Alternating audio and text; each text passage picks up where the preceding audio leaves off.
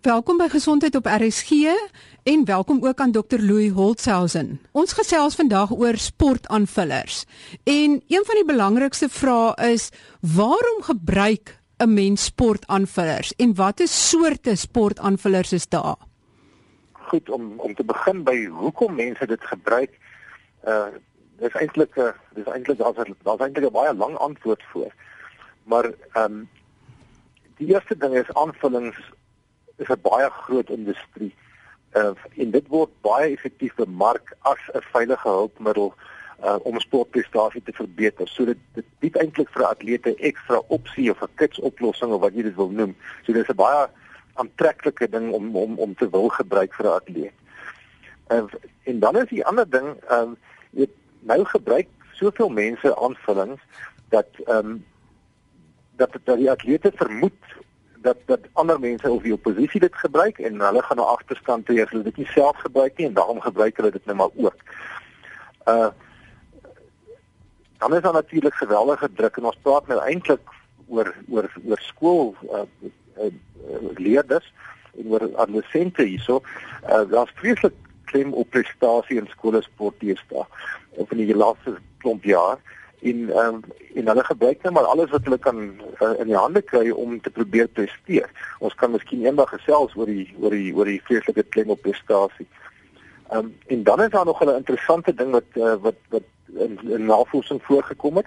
Baie mense gebruik uh, sportaanvullings nie so seer om sportprestasie te verbeter nie, maar om hulle fisiese voorkoms te verbeter. Om om vet te verbrand of om spiere te bou om om om mooi te lyk in die spieël. En dan natuurlik weer as ons praat oor die oor die leerders, uh, hulle rolmodelle en hierdie mense uh, gebruik uh, aanvullings en hulle word uh, gebruik in promosies daarvan. So uh, as 'n rolmodel ons nou 'n ding gebruik, dan hoekom sal ek dit nou nie doen nie? En dan is daar nog sekerlik 'n ander klompie redes. Um drie en dan om uh, om met jou te praat oor oor die tipes van aanvullings wat mens kry. Dis natuurlik 'n geweldige breë klomp uh, uh, dinge wat ons van praat, maar as 'n ou dit wil uh kategoriseer, sal ek maar sê, ehm um, dan kan ons eers kos praat oor die voedingsaanvullings wat eintlik maar uh, uh natuurlike uh, dinge wat in jou kos voorkom, maar wat jy net wil aanvul omdat jy nie genoeg in die kos kry nie, soos proteïene en koolhidrate en so aan. En dan is daar 'n tweede groep uh aanvullings wat die ergogeniese aanvullings is. Ergogenies beteken uh dit verbeter fisiese vermoë. Uh en die goed word in 'n in 'n fabriek gemaak uh, spesifiek vir prestasie verbeter. Ehm um, sommige van dit is natuurlik, maar dit word gekonsentreer soos wat uh, ons sien in kreatien en glutamien en sulke goeders. Uh sommige van die goed is is is is veilig, ander van hulle is verbode middels. En dan die derde kategorie is die fisiologiese middels wat hulle nou karring met met die fisiologie van 'n mens uh, om dit te verbeter. En dit is die goed wat suurstof dra vermoë verbeter of wat spierbou verbeter. So dit is die goed soos EPO en soos die anaboliese steroïde en hulle is gewoonlik verbode middels. So daar's 'n geweldige en, en natuurlik hierdie goed kom in in kombinasies voor van al die kategorieë jy kry 'n geweldige klomp permutasies daarvan. Nou as ek 'n ouer is en my seun het nou baie hy's baie belovend. Hy speel vir sy groot skool se eerste rugbyspan. Hy's goed in atletiek, hy speel goed waterpolo of wat ook al en ek wil graag die beste vir hom hê. En ek dink ook dat die ander ouers vir hulle kinders allerlei sportaanvullers gee. Wat staan my as ouer te doen om my kind te help om beter te presteer? Is is die pad na sportaanvullers toe? Ja, dit is nou uh, jy moet onthou uh, aanvullings is 'n baie klein komponent van uh, van van sportprestasie, né? Uh dit uh, om om te presteer in sport begin by uh, in die eerste plek natuurlike talent en al sulke klas van goed. Uh maar dan ook uh kondisionering en, en wetenskaplike voorbereiding en tegniek en uh, al die klas van goed is wat die basiese wetenskap van sport is. En en dit is waar hy moet begin by ordentlike kondisionering en voorbereiding en afrigting. Uh en dan saam met dit natuurlik optimale voeding. Um nou aanvullings is word aanvullings genoem omdat dit 'n aanvulling is tot jou gewone voeding. Jy mens moet eers 100% reg eet.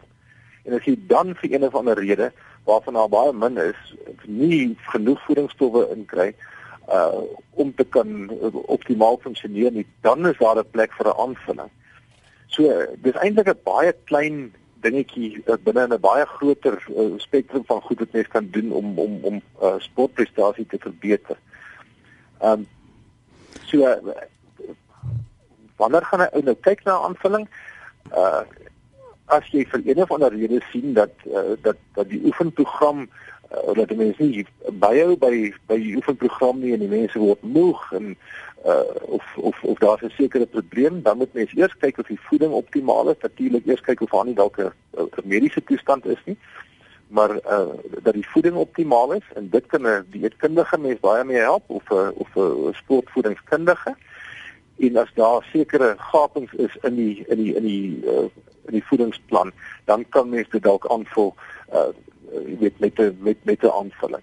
En dit gebeur gewoonlik wanneer daar regtig 'n intensiewe oefenperiode is, is gewoonlik hier in die HDA wat hulle noem in, in die voorseisoen waar die ouens geweldig hard oefen en dan kan hulle nie genoeg kalorieë inneem wat uh, wat hulle in 'n dag verbrand nie, dan is dit 'n dan is dit 'n opsie om 'n aanvulling te gebruik. Of as hulle in toernooie speel waar hulle kompeteer baie kort na mekaar en daar's nie tyd om te veel kos te eet intussen nie of atlete wat reis.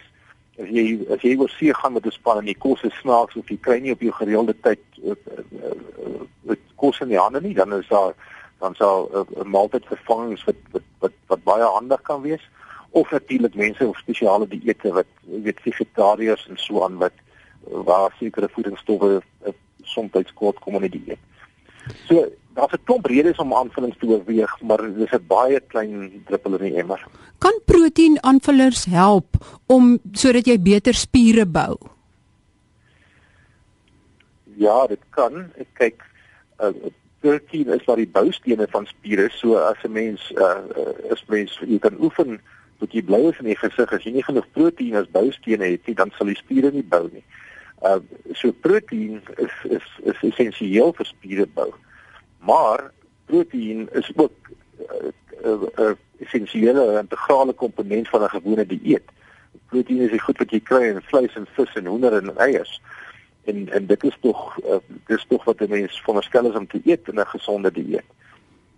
Uh so weer eens as jy as jy jou proteïene ingekry het uh, deur deur deur 'n goeie dieet met die goed wat ek genoem het en dit is nie genoeg nie, dan kan 'n mens 'n proteïen aanvulling gebruik uh om om om dan die tekort wat jy nie in training aan te vul. Maar wat ek net vir jou sê die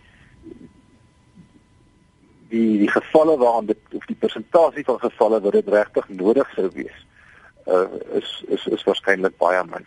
So dit is nie elke uh, seun wat vir die skool se eerste span speel wat 'n proteïnaanvulling moet gebruik nie. Nee, ek dink nie so nie. Jy moet eers reg eet en kom ek sê dit vir die ander ding. Daar is nie een van hulle wat reg eet nie jy weet dit is uh, as mens nou die eetgeskiedenis neem by die mense wat vir jou kom vra vir uh, raad oor aanvullings. Die eerste ding wat ek doen is uh, ek neem ek neem 'n dieetgeskiedenis van wat eet hy nou elke dag in die oggend en die middag en in die aand en en so aan en hoe hoe uh, pas dit in by die oefenprogram en uh, doen hulle genoeg uh, belading voor 'n harde oefensessie en so aan met kos. En die oorgrootste meerderheid van hulle se voeding is verkeerd.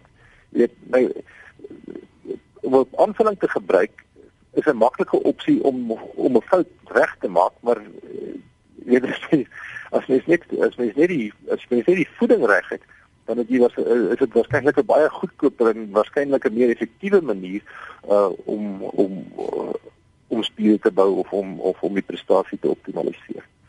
Miskien kan ek dit vir jou sê. Uh Manchester United sokkerklub is waarskynlik die suksesvolste sportspan uh, oor oor tyd in die wêreld. Hulle beleid oor aanvullings is dat hulle glad nie een van die spelers wat by hulle speel mag 'n aanvulling gebruik nie. Uh maar hulle is almal op baie streng eetplanne. Hulle eet presies wat hulle gesê word op 'n individuele basis en hulle kry genoeg in om deel te wees van die beste sportspan in die wêreld sonder 'n aanvulling. Nou weet ek nie as hulle regkom daarmee hoekom moet 'n mens nou uh hoekom hoekom moet ander mense dit nou as essensieel ag nie. Maar soos jy gesê dis 'n baie groot groot industrie. Maar kom ja. ons kom ons kyk na die meer uh, uh ek wil sê kontroversiële aanvullers. Die uh die aanvullers wat moontlik verskuilde of doelbewuste anaboliese steroïde in het. Want dit is ook nie te sê dat dit wat op die etiket staan werklik daarin is of nie daarin is nie. So soms neem mense baie keer onskuldige proteïen aanvuller en daar kan dalk tog uh, spore of hoeveelhede anaboliese steroïde of ander verbode middels in wees wat nie op die etiket staan nie. Marie daar krap hier nou 'n roofie wat uh, dit is geweldig belangrik vir die luisteraars hierdie weet. Kyk, aanvullings is nie 'n uh, uh, is 'n vreeslike handige ding. Ek klink net dalk negatief, maar dis 'n handige ding uh om te gebruik uh weet om om om om om te help met voeding. Maar die nadele van die goed is uh aanvullings val nie onder die medisyne beheerwette uh, soos wat medisyne doen. Dit val onder verbruikersgoedere. En daar's nie gehalte beheer so streng soos oor oor medikasie nie. Uh so wat gebeur is uh omdat dit nie goed gereguleer is en uh, in gekontroleer ja gekontroleer word nie, is daar kontaminasie van die goed in die eerste plek. So soms kry jy in 'n in 'n aanvulling uh middels wat nie op die etiket aangedui word nie uh, dit kan baie keer uh, doelbewus wees want mense sit uh, sit 'n sit 'n verbode middel in sodat die ding beter werk, dat dit beter kan uh, dat dit beter kan verkoop of dit word per ongeluk gedoen waar daar waar daar 'n uh, kontaminasie is in die in die fabriek en waar die grondstowwe uh, gemeng word op die weet op die uh, waar waar waar ook al die dinge gemeng word. Uh so In Suid-Afrika is is daar twee studies gedoen uh in die laaste 10 jaar wat wat hulle middels gaan afhaal het van van die rakke af in 'n in 'n in 'n winkel wat aanvullings verkoop. En 7% van die aanvullings wat van die rak af gehaal is, het verbode middels ingehaat en daarvan is 'n groot persentasie glad nie aangedui op die op die etiket nie. Uh om met verder te vat die internasionale olimpiese komitee het onlangs 'n wêreldwye studie gedoen en hulle het in 15% van van van aanvullings wat hulle ook van die rakke gaan afhaal het het hulle prohormone gekry wat wat belang wat wat gevaarlike goed is en wat meestal verbode goed is, is wat nie op die etiket uh, aangedui is nie. So die kans dat jy 'n verbode middel kan inneem uh is tussen 7 en 15% as jy gaan as jy gaan 'n aanvulling koop op die rak. Ehm um, en en dit op sigself is 'n is 'n probleem. Wat uh, wat is hierdie prohormone waarvoor mense moet uitkyk? Jong, uh, dit is daar's 'n hele klomp name van die goed uh die die die maklikste om te sê is die kyk dit is dit is dis dinge met die naam wat altyd die die voorvoegsel aandroe want die anaboliese steroïde is is is is, is verwant aan die van die manlike hormoon testosteron en vermanliking. So ehm um, uh, die goed wat andro in dit of wat testo in dit is gewoonlik die goed wat wat hormone is soos androsteen, D1 en so. Dr. Hotzhausen, hoekom moet mens nie 'n anaboliese steroïd gebruik nie? Is dit regtig so gevaarlik of onveilig as wat uh, mense altyd sê? Marie uh, ja, dit is dit is gevaarlik en onveilig uh, as dit nie reg gebruik word nie. Daar is natuurlik uh, uh, resepte en so aan wat die ouens wat dit gebruik uh, volg wat dit relatief veiliger maak, maar uh, daar is geweldig baie potensiële uh, neeweffekte van die goed. Jy moet onthou uh, anaboliese steroïd is uh, is 'n uh, is 'n uh, dis hormone wat inmeng met jou metabolisme op verskillende vlakke van uh, jy weet uh, in die metabolisme. Uh in die gebruik daarvan om spiere te bou is uh, of om dit te laat werk vir spiere bou gebruik die mense dit in geweldige hoë doserings die goed kom normaalweg of baie van hulle kom normaalweg in 'n mens se liggaam voor want dit is omdat dit uh, natuurlike hormone is, is verwant aan die manlike hormoon testosteron. Maar jy moet 100 of meer keer die dosering wat normaalweg voorkom uh, uh, in jou lyf moet jy gebruik met 'n pil of met 'n inspuiting om hierdie feeslike effekte te kry. Nou kan jy vir jouself dink dit kan mos nou nie goed wees vir 'n ou se se se liggaam se liggaam nie. Maar nou uh om 'n bietjie verder te vat, kyk afgesien van die neeweffekte van die goed fisies. Uh is onnatuurlike uh, uh prestasie uh, verbetering of onnatuurlike maniere om prestasie te ver verbeter is is is verbode in sport. Uh en uh, dit is ook die hele gees van sport. So weet dit jy is eintlik besig om vir jouself uh, te presteer of medaljes wen of wat ook al deur te verneek. En uh, nou ja, wat is die wat is die pret daaraan? Is 'n hele gesonde kompetisie van sport uh, weet uit die uit uh, uit die verhouding gehaal word. Ja, dit is interessant dat die infertiliteitsdokters hier in die Kaap en nogal bekommerd is oor die jong mans wat hoë dosisse testosteron en goed kry want uh, dit verlaag hulle infertiliteit. Dit uh, en dan kan hulle nie babatjies kry nie. Dis dis heeltemal reg. Dit is 'n baie bekende neeweffek van van anaboliese steroïde. Uh dit veroorsaak uh, uh, oordrewe uh, uh, hoeveel wanbalans tussen die manlike hormoon testosteron en die vroulike hormoon estrogen in die lyf en wat hierdie mense dan kry is eintlik vervrouliking. So hulle kry atrofie of verkleining van die van die van die testes en van die penis en van uh en en, en spermproduksie word afekteer. So hierdie mense raak infertiel. Jy is heeltemal reg. En daarmee saam kan nog 'n paar ander goed gebeur, weet prostaatprobleme en en 'n hele klomp ander wat dit kan doen. Maar infertiliteit is is 'n is 'n baie definitiewe ding. Dan net vinnig oor EPO, dit is nou die erythropoietin wat hulle gebruik om ekstra suurstof dra vermoë in die bloed te gee sodat jy meer presteer en ons dink veral aan Lance Armstrong en en daai groep mense word dit nog steeds gebruik. Hoe gaan mense ooit weet dat dit nie gebruik word in sporte soos fietsry nie? Ja, kyk, as ons dit geweet het, het die probleem opgelos gewees, jy weet. Ehm okay, om weer te begin, uh, Marie, uh, erythropoietin of EPO soos jy sê, is is ook 'n hormoon uh, wat normaalweg in die in die lyf voorkom wat rooi bloedselproduksie uh, stimuleer. Nou mens as mens nou dit kunsmatig inneem, as jy dit nou in 'n inspuiting inneem, dan word die rooi bloedselle oormatig gestimuleer en soos wat die mense sekerlik weet, is rooi bloedselle is die goed wat suurstof dra in ons bloed. So die so die mense wat uh wat aan uithou vermoë dit tipe van uh, uh kompetisies deelneem soos fietsry Tour de France en soos maraton hardloop en komryd en so aan hoe beter hulle suurstof dra vermoë is uh hoe beter gaan hulle presteer en uh, so dit werk baie goed om om om om om uithou vermoë te, te te verbeter. Um uh maar weer eens nou uh, dis 'n onnatuurlike ding en dit nou maak dit jou rooi bloedsel massa onnatuurlik hoog.